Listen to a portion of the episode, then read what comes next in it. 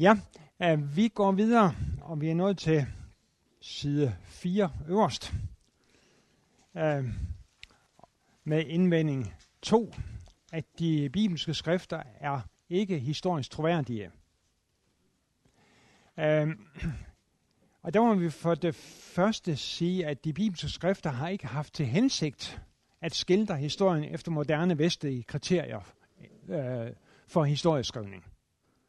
At det fandtes ikke øh, på den tid. Øh, og de bibelske skrifters troværdighed er øh, ikke desto mindre utallige gange blevet verificeret af andre skriftlige kilder og af arkeologiske fund. Og for eksempel Jesu liv er bedre bevidnet end en række andre antikke personer, øh, personers liv. Så øh, på den ene side må vi sige, at øh, jamen, altså, man, man skrev ikke historie dengang, som man, man gør i dag. Øh, og alligevel må vi jo sige, at skrifter som for eksempel øh, Lukas evangeliet og apostlenes gerninger, det kommer tæt på. Øh, det man så normalt gjorde i antikken, det var nogle, men man havde det, man kaldte bios, bios livsskildringer. Egentlig øh, skildringer af personer, kendte personer. Og der havde man sådan en mellemting mellem historieskrivning og så, øh, øh, og så fiktion.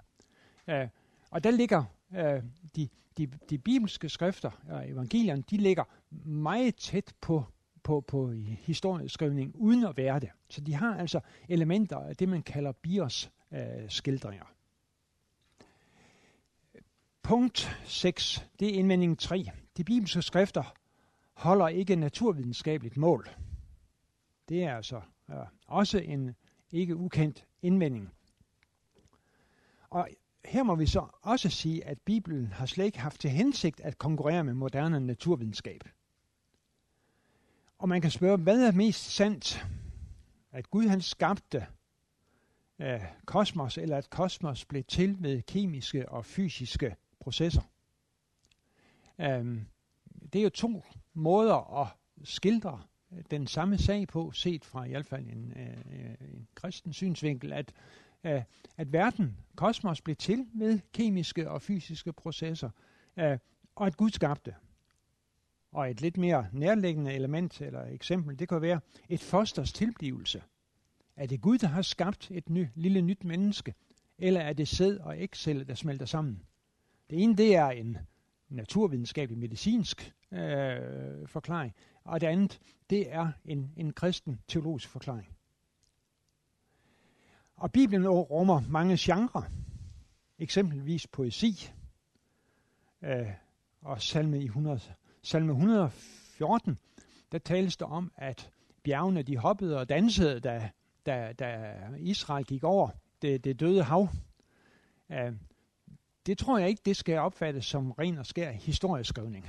Øh, jeg, jeg tror, mm, at det er en poetisk skildring af det fantastiske, der skete, da Israels folk gik over, øh, gik, sagde det døde hav, Røde havet. Ja, ja, rød, rød, det røde hav. ja, her har vi en gammel testamentlig ekspert der, så ja. Yes. uh, Alligevel giver Bibelen forbløffende nok både udtryk for, at universet ikke er evigt, men har en begyndelse. Øhm, og giver i 1. Mosebog 1.1 en beskrivelse af skabelsesrækkefølgen, der i det store hele synes at svare til den gængse naturvidenskabelige opfattelse. Så øhm, på den ene side må vi sige, jamen altså, øh, Bibelens skildring af de her hændelser er ikke øh, som øh, skrevet som, som kapitler til en, en naturvidenskabelig lærebog. Og alligevel er der nogle grundelementer, som i høj grad øh, er, er, er, er, er fornuftige, også set fra den synsvinkel, og set i lyset af, hvad vi ellers ved. Så kommer der en indvending 4. Og det er altså alle sammen elementer i den her grundindvending, at de bibelske skrifter kan vi ikke stole på ud fra forskellige synsvinkler. De er blevet forfalsket. Og den her, øh, den her indvending, det er så den, som ikke mindst muslimer har gjort sig kendt med. at de bibelske skrifter er i historiens løb blevet forfalsket. Det er fordi, at der i Koranen øh, øh, nogle steder tales om, at de bibelske skrifter er blevet forfalsket. Nu viser det sig, at øh, det er for, for det er de nok misforstået, muslimerne. At der står ikke, at de bibelske skrifter er forfalsket, men at fortolkningen af dem er blevet forfalsket. Så altså skrifterne, det øh, ser ud til, hvis man går til Koranteksten, at den ser ud til at, øh, selve teksten er i orden, men det er jøder og kristne, der i tidens løb har forfalsket øh, fortolkningen, misforstået fortolkningen af de her skrifter. Men ikke desto mindre, mange vil, øh, muslimer vil fastholde, at øh, de bibelske skrifter altså er blevet forfalsket. Men intet tyder på, at det skulle være tilfældet. Vi har mange hundrede manuskripter af det nye testamente fra tidligt i det andet århundrede og frem til Muhammeds tid. Øh, og det var fra 75 til 632. Og også efter Muhammed og frem til bogtrykkerkunstens opblomstring, øh, som kun rummer ubetydelige afvielser. Der er kun to tekster i det nye testamente, som for alvor volder problemer. Og den ene tekst, det er uh, Johannes evangeliet kapitel 8, uh, øh, med øh, uh, sønderinden, der bliver grebet i, i hår. Uh, den tekst, uh, den ser ud til at have været et andet sted, og så er blevet placeret uh, hos uh, Johannes uh, på det sted. Uh, og så er Markus evangeliet, øh, slutningen af Markus evangeliet, det er en anden tekst, øh, som øh, også øh, volder visse problemer. Bortset fra dem, så er, der, så er det kun småting i resten af det nye testamente. Øh, og når det drejer sig om det gamle testamente, så er der mere end 3000 GT-manuskripter, øh, som vi kender til fra tiden før bogtrykkerkunsten. Og ingen af de her tekster giver udtryk for, eller giver anledning til at tro, at der skulle være sket en bevidst forfalskning. Endelig giver dødehavsrullerne også et vidnesbyrd om, hvor nøje man har været med at overlevere de bibelske tekster frem til i dag. Da man fandt dødehavsrullerne øh, lige kort efter 2. verdenskrig, øh, så var det jo en øh, virkelig et, et rygstød for øh, dem, der mente, at de bibelske skrifter var blevet overleveret troværdigt.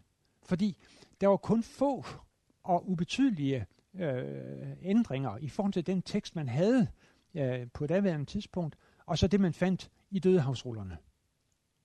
Så alle forestillinger om, at det skulle være sket en forfalskning, øh, øh, hviler på et særdeles tyndt grundlag. Og så har jeg et fjerde punkt her, øh, som jeg øh, sad og funderede over her øh, i eftermiddag, at det ville have været meget vanskeligt at effektuere en bevidst forfalskning både af det gamle og det nye testamente.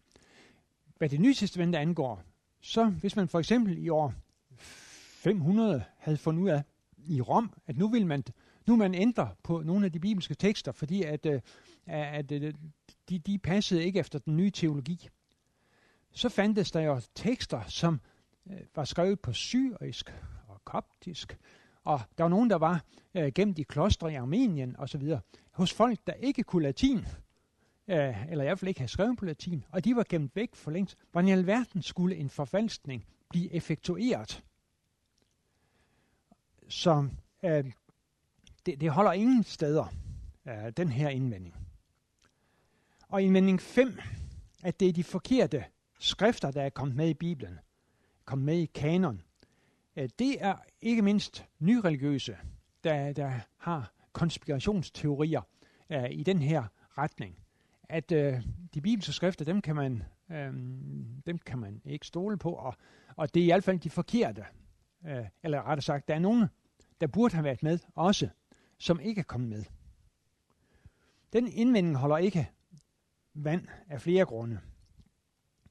Vi har meget tidligt klare vidnesbyrd, både direkte og indirekte, om hvilke skrifter, der bliver regnet for autoritative, nemlig dem, som findes i den nuværende kanon, altså i den nuværende skriftsamling.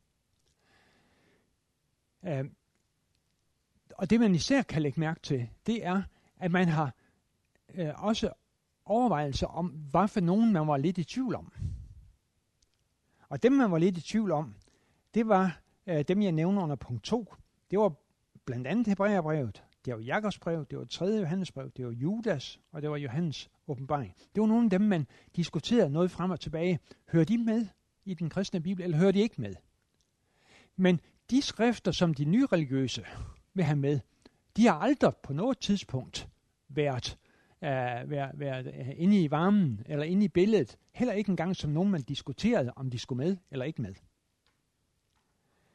Og som sagt under punkt 1, vi har meget tidligt klar vidensbyrd, både direkte og indirekte om, hvilke skrifter, skrifter der bliver regnet med som autoritative. Og der er de indirekte, de indirekte øh, øh, henvisninger, de er måske de allervigtigste her. For eksempel når en biskop han skriver et brev til en eller anden, og så øh, bevidst bruger elementer fra Markus evangeliet, Johannes evangeliet osv. Ting, som vidner om, at han kender de her skrifter. Selvom han ikke citerer dem direkte, så har han tanker, som vi kan øh, tydeligt lokalisere. De hører hjemme der, og de hører hjemme der og der. Og de så ikke findes, at der for eksempel ikke findes henvisninger til Thomas evangeliet, eller nogle af de andre skrifter, så er det vidnesbyrd om, at de har ikke været, man har ikke kendt til dem. De har ikke været autoritative, man har Øh, og dem, der vil påstå det, de, de, de har simpelthen ikke øh, noget godt, godt argument for deres påstand.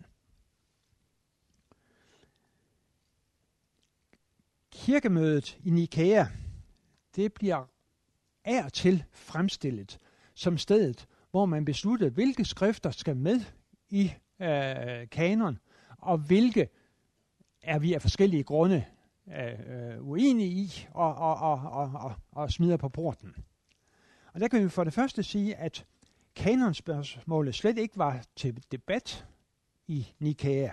Det var treenighedsdogmet. Det var det, der var øh, problemet, som man diskuterede i Nikea. Og for øvrigt, så var man jo altså allerede meget tidligere, allerede omkring år 150, var for eksempel, var man helt aldeles enige om, at det var de fire evangelier, som vi nu har i kanonen, det var dem, der skulle med, og ikke andre altså lang tid før uh, Nikæa. Barnabas evangeliet, det er jo et muslimsk, en muslimsk specialitet. Uh, hvis man taler med muslimer, så er de ofte henvist til Barnabas evangeliet som det eneste rigtige evangelium.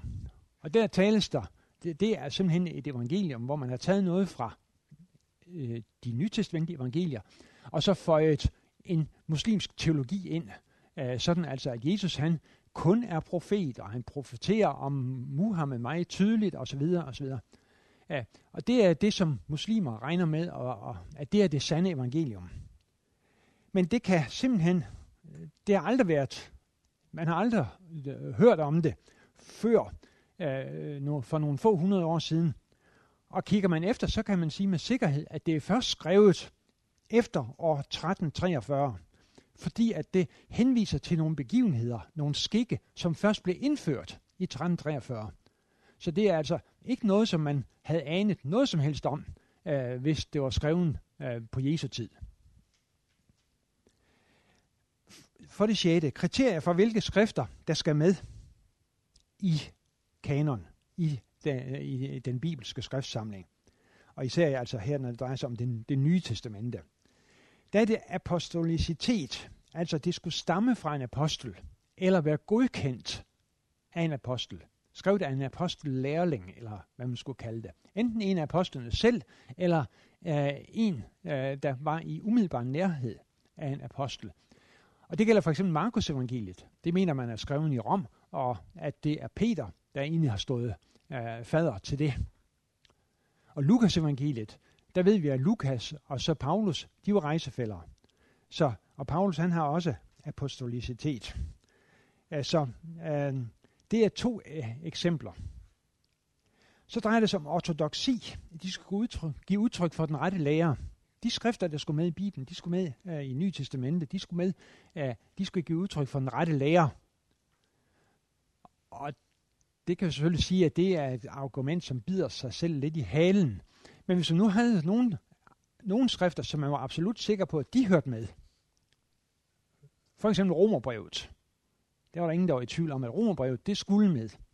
Og hvis man nu også var sikker på, at Markus evangeliet, det skulle i hvert fald med.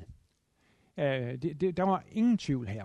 Øh, det har altid været blevet læst op, og man havde vidnesbyrd helt tilbage fra den første kirke, at det, havde, det, havde, det stammede fra, fra Markus og Peter osv. Så, så havde man altså dermed også udgangspunkt for at kunne vurdere, hvilke andre havde den rette lære, hvilke, øh, hvilke andre skrifter gav udtryk for den samme teologi. Og det er altså det, der det drejer sig om her, ortodoxi, den rette lære. Og så endelig katolicitet. At det skulle være noget, som blev brugt overalt, havde været i liturgisk brug øh, lige fra begyndelsen af i alle, i hvert fald de store menigheder. I Antiochia, i, øh, i Jerusalem, øh, i Alexandria og hvor det ellers var. Øh, det skulle have været i brug i de her øh, store menigheder lige fra begyndelsen af. Øh, så det har været de tre kriterier, som har været hovedkriterierne for, hvilke skrifter hører med i det nye testamente. Så vedrørende den her indvending 2, altså hele det her med de bibelske skrifters troværdighed, der vil jeg hævde, at af de, fem ind, af de fem indvendinger, som vi har beskæftiget os med, så er der altså ingen, som for, for alvor bør tage frimodigheden fra os af de her. De tre første om modsigelser i Bibelen, om Bibelens manglende historiske og naturvidenskabelige pålidelighed, kan vi alle møde med oprejst pande, for Bibelen er ude på noget andet. Og de to sidste indvendinger om senere forfalskninger af de bibelske skrifter, og om, at der burde have været andre skrifter med, de hører simpelthen ingen steder hjemme. Så vi befinder os på særdeles tryg grund, når vi i vores daglige andagt og i kirkens gudstjeneste som noget helt naturligt øh, at tage udgangspunkt i Bibelen. Og så... Ja. ja, så kan du gå hjem og forberede prædiken med sindsro. Ja. Yes. Uh, hvorfor netop kristendommen? Det er så det tredje argument, som vi lige vil se på her i, i aften. Den tredje gode grund uh, uh, til, at kristendommen uh, tager fejl. For hvorfor da netop? Hvorfor specielt kristendommen? Det er jo uh, til dels en ny problemstilling. Ikke i den forstand, at man ikke har vidst, at der fandtes andre religioner – det har man jo vidst øh, øh, i, i århundreder. Øh. Men øh, dette, at vi efter 2. verdenskrig er rejst ud i verden, og siden 60'erne og 70'erne især, er rejst ud i verden og har mødt øh, levende religioner, plus at flygtninge og indvandrere er med, med anden religiøsitet er kommet til os.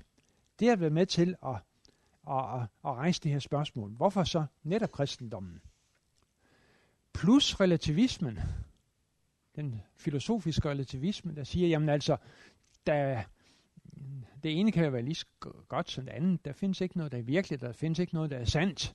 Og i hvert fald hvis det gør, så ved vi ikke, så, så kan vi ikke finde ud af, hvad det er. Alt det har gjort, at øh, det her er blevet et, et problem og et spørgsmål, som vi møder, vil jeg mene, ganske ofte i forskellige øh, udgaver. Hvorfor netop kristendommen? Hvorfor netop Jesus?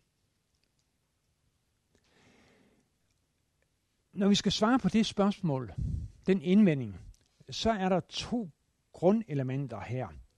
For det første må vi overveje, er de forskellige religioner dybest set ens?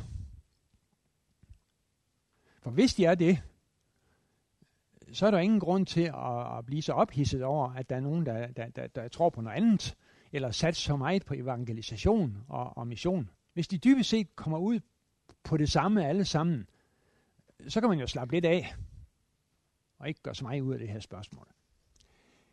Men hvis ikke, hvis ikke de er ens, hvis de er væsens forskellige, er der så nogle særlige argumenter for at vælge kristendommen? Det er det spørgsmål, som vi ofte bliver stillet. Først vil vi se lidt på det første, altså kristendommens forhold til de andre religioner. Uh, Hvordan er det? Er de dybest set ens? Kristendommen og alle de andre. Øhm, mange vil sige, at alle religioner kommer dybest set, set ud på et. Øhm, på et tidspunkt så har jeg undervist lidt i en bog, der hedder Religious Worlds, øh, øh, som var grundbog for teologistudiet på første del af studiet over på det teologiske øh, fakultet. Øh, og det havde, øh, der, der, det, det havde altså den her titel, Religious Worlds, og forfatteren, han gik derud fra, at, at øh, de forskellige religioner, de er ikke ens. De udgør derimod hver for sig en samlet helhed. De hænger sammen indbyrdes, mere eller mindre. Øh, det, en, internt. Øh, hver enkelt religion udgør en, et samlet billede af verden, og de kan så lappe over hinanden på visse punkter. Så man kan godt finde elementer i, øh, i islam, som hænger, hænger sammen med kristendommen. Man kan også finde elementer i den buddhistiske moral, som svarer påfaldende godt til, øh, til øh, lovens anden tavle i, i de ti bud. Så de hænger sammen øh, på visse punkter, lapper ind over hinanden, men ikke desto mindre, så er de hver for sig en verden for sig, og, og forskellige verdener. Det var, det var hans, øh, hans tese. Jeg har så prøvet at arbejde lidt videre øh, ved at se på, hvordan forstår man Gud i de forskellige religioner. For man skulle jo tro, at øh, Gud er det en, må være en ret central, et centralt element øh, i de fleste religioner i hvert fald.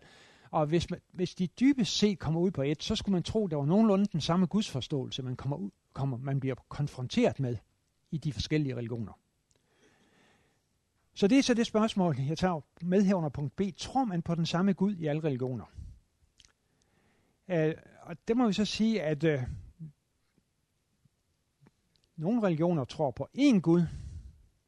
Der er nogen, der tror på mange guder.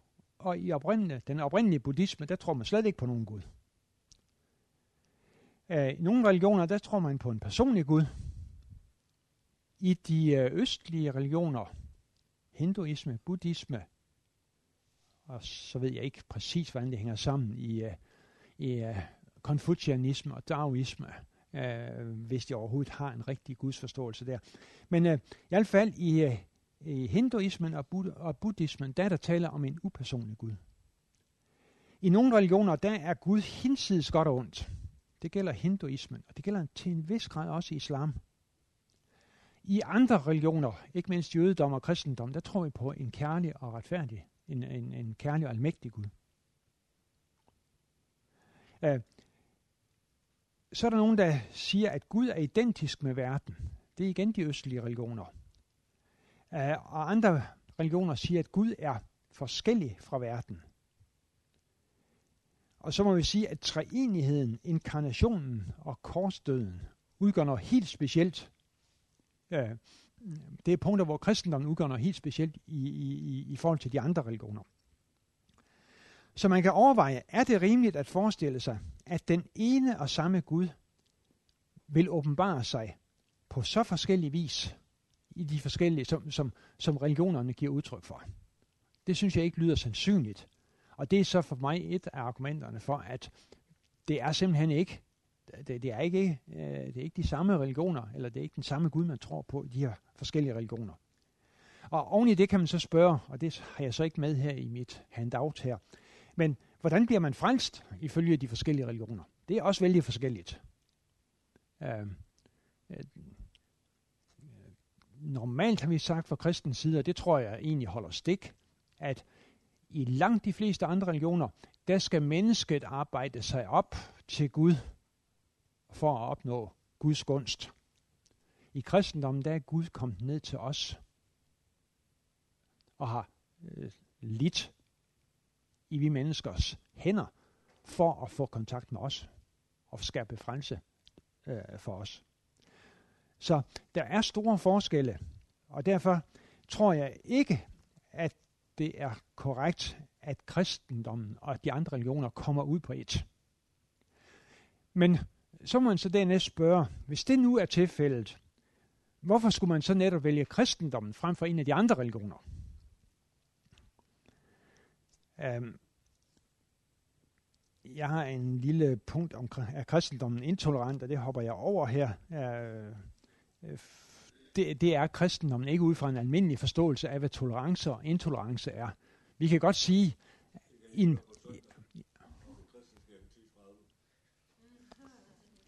Nå, har du, har du kigget i mit manuskript? Nå, øh, så er der mm, en anden... Øh, altså, kristendommen er ikke intolerant, vil jeg hævde. Øh, øh, hvad så med... Er der andre gode argumenter for, at, at man skulle vælge netop kristendommen? Der kan vi i hvert fald sige, at der er tre klassiske øh, sandhedsteorier, filosofiske sandhedsteorier. Der er korrespondens, teorien. Altså for at noget skal være sandt, for at et udsagn skal være sandt, så skal det harmonere med den virkelighed, som man ellers øh, kan iagtage. Hvis jeg siger, at solen skinner her i Aarhus klokken øh, 6 minutter over 9 øh, den 11. Den 11. Øh, april, øh, så harmonerer det ikke med virkeligheden. Det er et falsk udsagn. Øh, men øh, der kan være mange andre ting, øh, som var sande udsagn. Og, og korrespondensteorien går altså ud på, at hvis et udsagn skal være sandt, så skal, det, så skal det harmonere med den virkelighed, man i ellers kan jagtage. Og det gør kristendommen på en række felter, vil jeg hævde, og det kommer jeg tilbage til. Kristendommen harmonerer det billede af virkeligheden, som vi får ved at læse Bibelen, det svarer til den virkelighed, vi ellers kan jagtage. Uden for os selv og i os selv. Så er der koherensteorien. Det drejer sig om, at, en, øh, et, at, øh, at udsagn skal være sammenhængende. Og det er så spørgsmålet, om de andre religioner udgør en sammenhængende forståelse af virkeligheden, og om kristendommen gør det. Det vil jeg påstå, at kristendommen gør. En sammenhængende tilværelsesforståelse. Hvorimod, og det er nærmest under punkt 1, korrespondens, øh, Nej, det er den sidste pragmatiske sammenhæng. At der skal være mulighed for et godt liv. Øh, øh, det er det, det er det pragmatiske sandhedskriterium. Altså, øh, hvis et udsagn skal være sandt, så skal det øh, pragmatisk set, så skal det øh, fremme det gode liv. Og det øh, har jeg et eksempel på fra en bog øh, af øh, Francis Schaeffer, øh, hvor han øh, nævner, at buddhisten eller nej, det var en hindu. Hinduerne, de mener jo ikke, der er forskel på godt og ondt. Og med og lidelse, det er jo egentlig bare et spørgsmål om manglende erkendelse fra vi menneskers side. Og så sad uh, Francis Schaeffer til et KFS-møde et eller andet sted i den engelsktalende verden, jeg kan ikke huske hvor. Men han, der var så altså en hindu blandt tilhørende, og han rystede på hovedet om uh, alt det Francis Schaeffer han sagde, og mente, at den hinduistiske verdensforståelse, den var, den var bedre. Og så tog Francis Schaeffer et, en, en kop med skoldhed te og holdt hen, over, og øh, holdt hen over hovedet på den her student. Og spurgte ham så, mener du lidelse og velbehag, liv, at det kommer ud på et? Vil du fastholde det? Og det ville han selvfølgelig ikke fastholde, ja, ja, når han havde den her kop med skoldhed te hængende lige over hovedet på sig. Og, og det var så et øh, eksempel på, at at, at øh, der, hang, der hang teologien og virkeligheden ikke sammen. Og det er så min påstand, at det gør den i kristendommen. Teologien og virkeligheden hænger sammen. Øh, kristendommens sandhed. Øh, der kan man argumentere for på forskellige vis at kristendommen er, er, er, er sand ved at se på kosmos' karakter.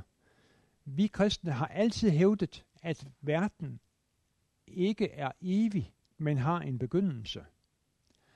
Og det er noget, som øh, nu er blevet verificeret, eller i hvert fald sandsynliggjort kraftigt af den nugældende naturvidenskab, at øh, verden er grundlæggende set, som vi kristne altid har sagt. Og ser vi på den verden, som er skabt med dens orden osv., så kunne det pege på, at den skaber af verden, øh, som har været på færre, i høj grad må have de karaktertræk, som vi kristne altid har koblet på Gud. Nemlig, at Gud han, hvis vi tænker på, at det er, at der er givet mulighed for et godt liv for vi mennesker, at Gud han er kærlig, og han er ordnens og fornuftens Gud. Den bibelske antropologi, ja, den er jo det er også et eksempel på, at kristendommen harmonerer med den verden, vi kan se omkring os. Den kristne bibelske antropologi, den går jo ud på, at vi mennesker, når vi læser i Bibelen, så får vi et indtryk af, at verden er en mærkelig øh, sammensætning af godt og ondt. Øh, at øh, mennesker kan gøre ufatteligt meget godt, og også ondt. Øh, det svarer til den verden, som vi det er, det, det, det er den verden, vi møder i Bibelen, og det, er den verden, det svarer til den verden, vi ser omkring os. Og Bibelen giver så også oven i købet en forklaring på, hvordan det, hvorfor det hænger sådan sammen. Nemlig, at oprindeligt var vi skabt godt gode. Men så vendte vi ryggen til Gud, al godheds kilde, og dermed kom ondskaben ind i menneskeverdenen. Og så er der Jesu opstandelse. Det er et tredje argument for kristendommens, for kristendommens sandhed. Øh, det vender vi tilbage til øh, på et senere tidspunkt. Så er der spørgsmål om den geografiske tilfældighed. Og i det store hele, så har jeg her i aften klaret mig uden at ty til manuskript i øvrigt. Men nu er det slut. Øhm, den, den geografiske tilfældighed.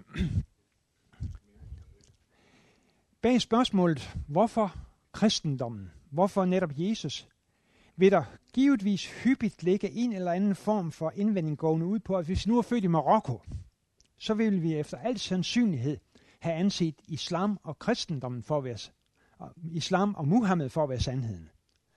Og hvis vi var født i Indien, ville vi med stor sandsynlighed have været hinduer. Det er altså kun fordi vi tilfældigvis er født her i Danmark, at Jesus og kristendommen normalt er blevet betragtet som sandheden. Så hvorfor netop Jesus? Hvorfor netop kristendommen? Og det er jo sandt nok, det der med Marokko og Indien. Men det trænger efter mit skøn ikke ind til kernen af problemet. For det gælder jo også, at hvis vi havde været født i Sovjet for 60 år siden, så vi ville, ville vi med stor sandsynlighed anset kommunismen i den stalinistiske udgave for at være verdens bedste økonomiske model. Og hvis vi i dag bliver født i USA, vil vi med stor sandsynlighed vokse op med den overbevisning, at uhemmet liberalisme er den bedste samfundsmodel.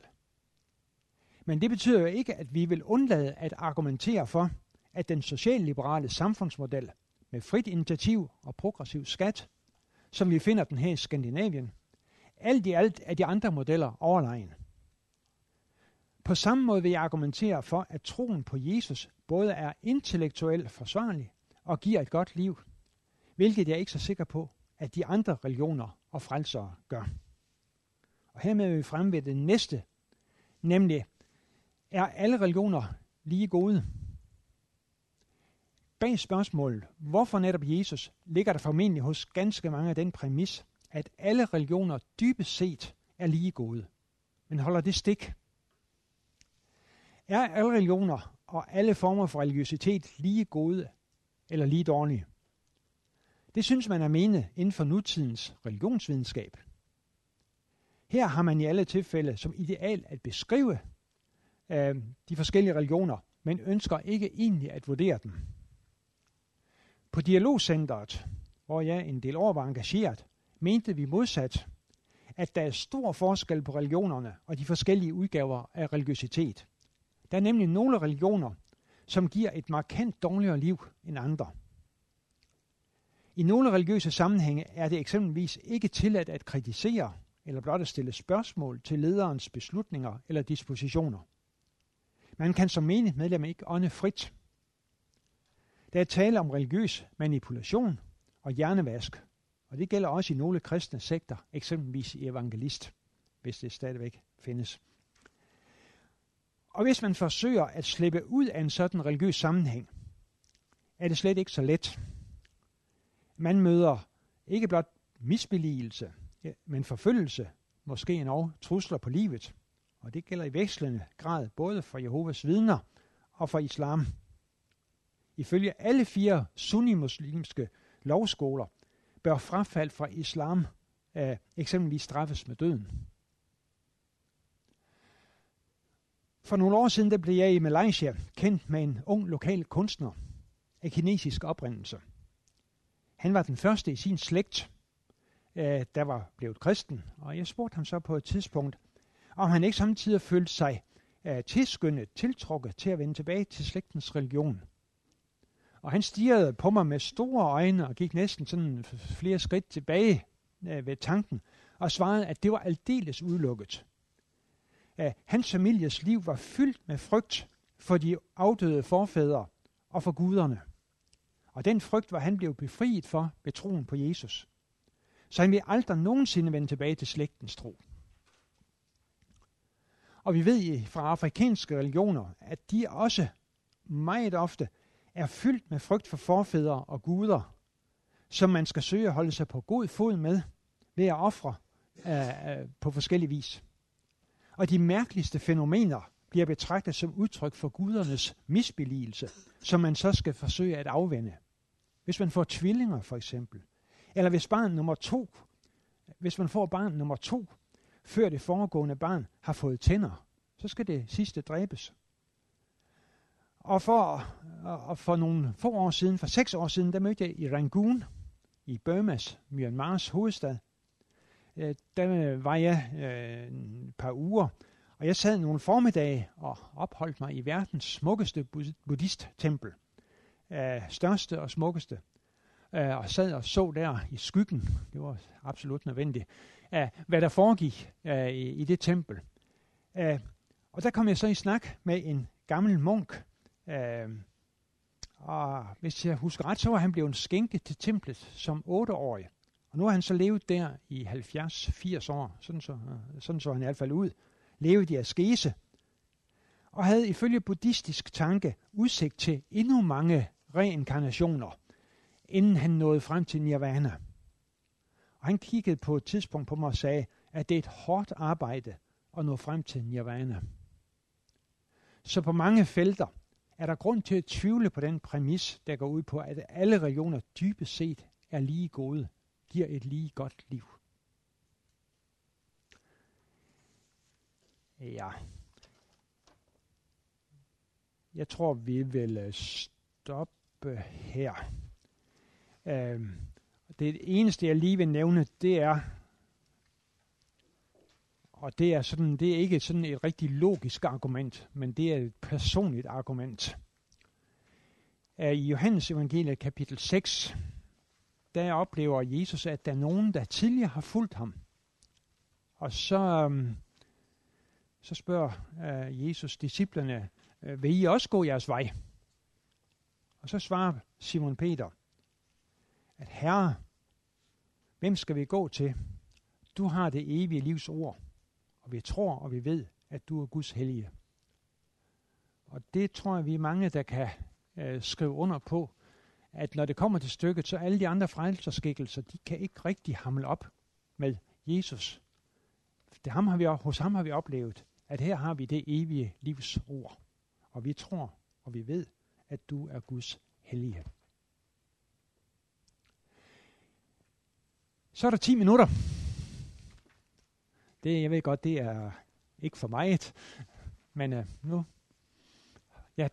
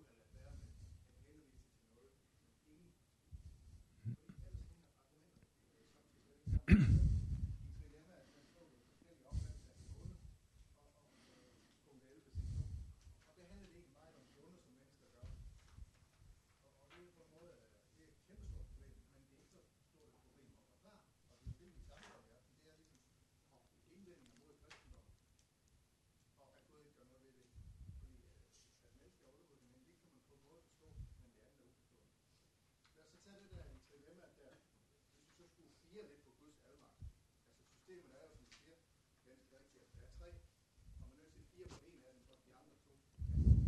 Det vil sige, hvis Gud ikke er helt almægtig, så kan det godt passe, at han både er ond samtidig med det. Øh, øh, det kan godt passe, at han samtidig er god, samtidig med det onde. Det var jo ikke nok. Men øh,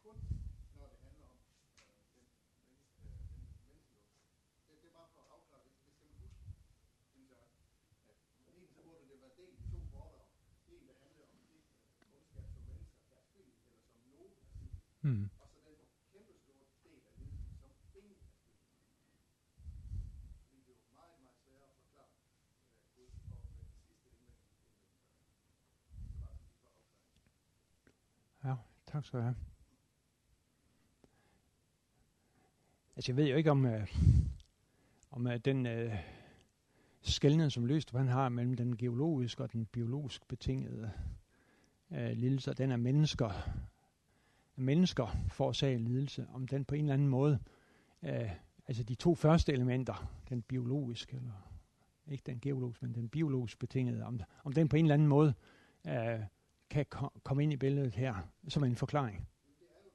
Ja.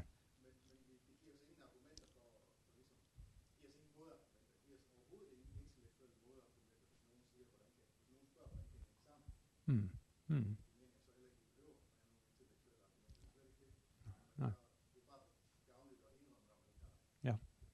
Fint, tak skal du have.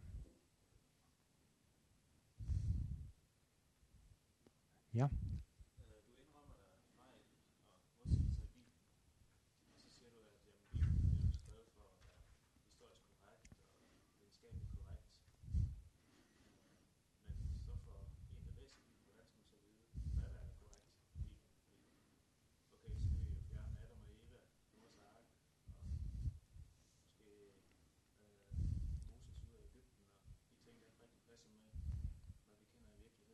Mm. Mm. Ja. Jamen, det har du også ret i. Uh, det jeg, det, jeg har, har, har, har gjort her, det er, at jeg har peget på uh, tre, tre punkter, hvor jeg synes, der er modsigelse i skriften internt. Og det, og, og det mener vi kan konstatere. At det, det kan man så være uenig Der findes måske også finurlige forklaringer på, at det alligevel hænger sammen. Det vil jeg ikke udelukke, at, at, at, at, at det kan lade sig gøre. Men for mig at se, ser det ud som om, der er, øh, er de her øh, problemer der. Øh, og så er det jo igen et spørgsmål om, hvad det andet, du spørger efter der. Der kan vi på den ene side konstatere, at der er en, øh, en, øh, en række felter, hvor man troede, at Bibelen tog fejl historisk og naturvidenskabeligt, og, og så viser sig, at den alligevel har ret. Øh, så i udgangspunktet vil jeg jo gå ud fra, at, at, at skriften øh, indtil andet er, er påvist, og, og det, og hvornår kan man påvise det med absolut sikkerhed, så vil jeg gå ud fra, at skriften har ret. Øh, samtidig med, at jeg vil have den åbenhed at sige, jamen altså skulle det vise sig, at øh, at øh, der var et, årstal uh, i skriften, som ikke passer med det, man ellers uh, kan slå fast med uh, temmelig stor sikkerhed, uh, uh, så vil det ikke rokke ved, ved, ved min forståelse af skriften, fordi den er ude på noget andet, nemlig at uh, føre os give os evangeliet, give os budskabet om, om, øh, om, om, om Guds vilje til at frelse os. Altså det, som jeg nu ikke fik øh, citeret helt korrekt, men øh, det, der står øh, som, så vidt jeg kan se, konklusionen eller sammenfatningen af Johannes evangeliet, at, øh, at øh, det her det er skrevet, der, der kunne være skrevet meget andet. Jesus gjorde meget andet, men nu er øh, det, der vi har i Johannes evangeliet her, det er øh, skrevet for, at vi skal øh, tro på Jesus og få evigt liv.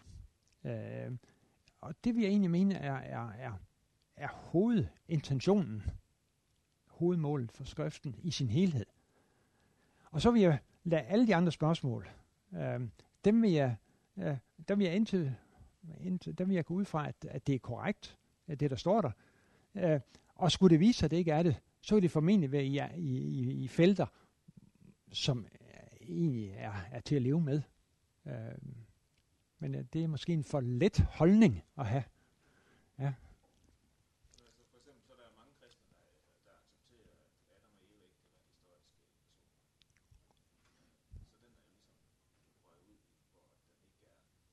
Ikke er sådan. Ja. Ja, ja, ja. Ja, ja.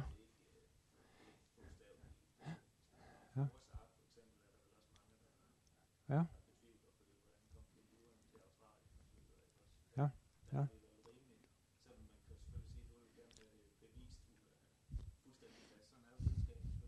Mm.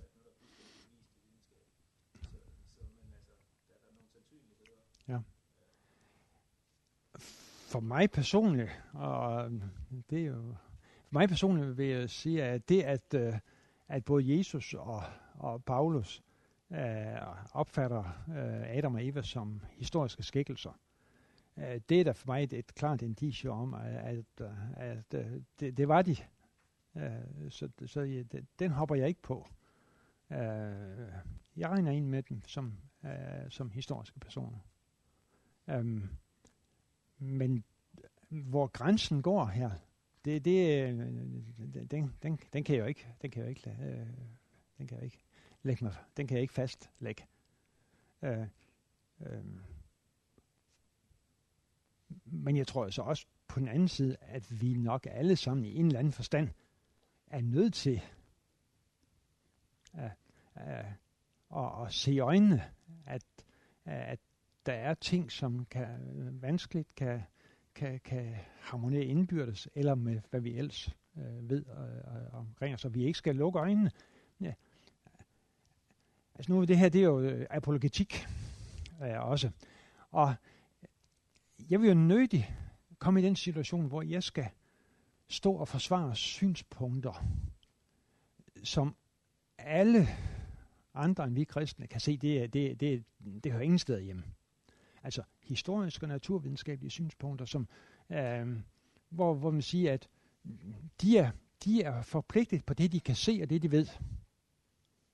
Og hvis jeg så vil fastholde noget i alle ender og kanter, som, som ingen andre end vi kristne kan se og ved, øh, så har vi et problem med at, at nå folk, der læser biologi, folk, der læser øh, astronomi og, og fysik osv. Og dem vil jeg gerne bringe evangeliet. Og der er jeg nok villig til at vi sænke forsvarsværkerne en lille smule, for at bringe dem evangeliet.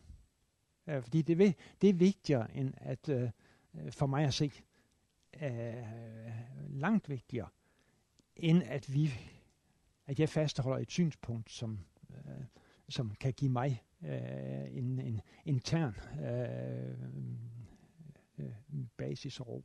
Ja. Ja. Torben.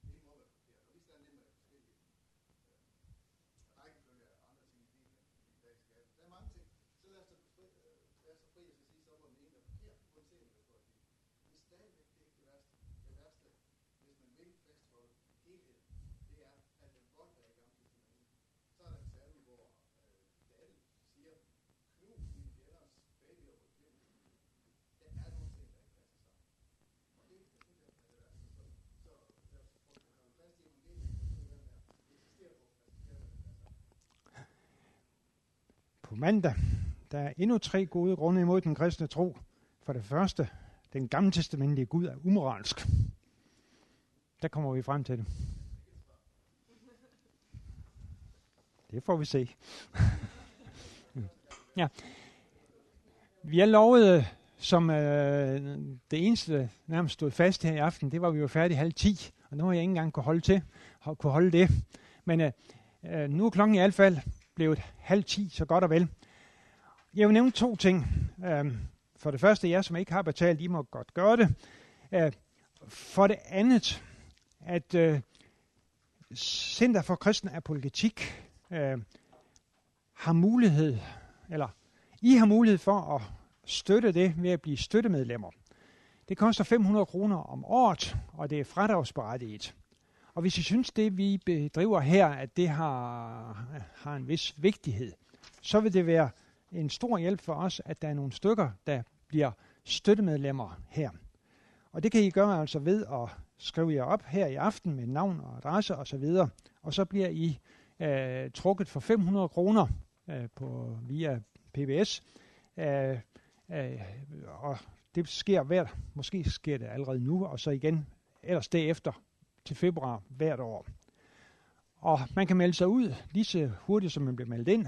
Uh, han har sagt, at, at det, det, det er bare en, en melding, at nu vil man ikke være med længere, så er, er man ikke medlem længere. Men vi har brug for, hvis vi skal drive CKA i fremtiden, så har vi brug for støttemedlemmer. Vi har brug for meget andet også, men det har vi altså også brug for. Så hvis I har lyst og synes, det er en vigtig sag, så er I velkommen til at tage sådan en med, eller allerhelst skrive den ud. Skriv den og underskriv den her i aften. Og så fortsætter vi ellers på mandag.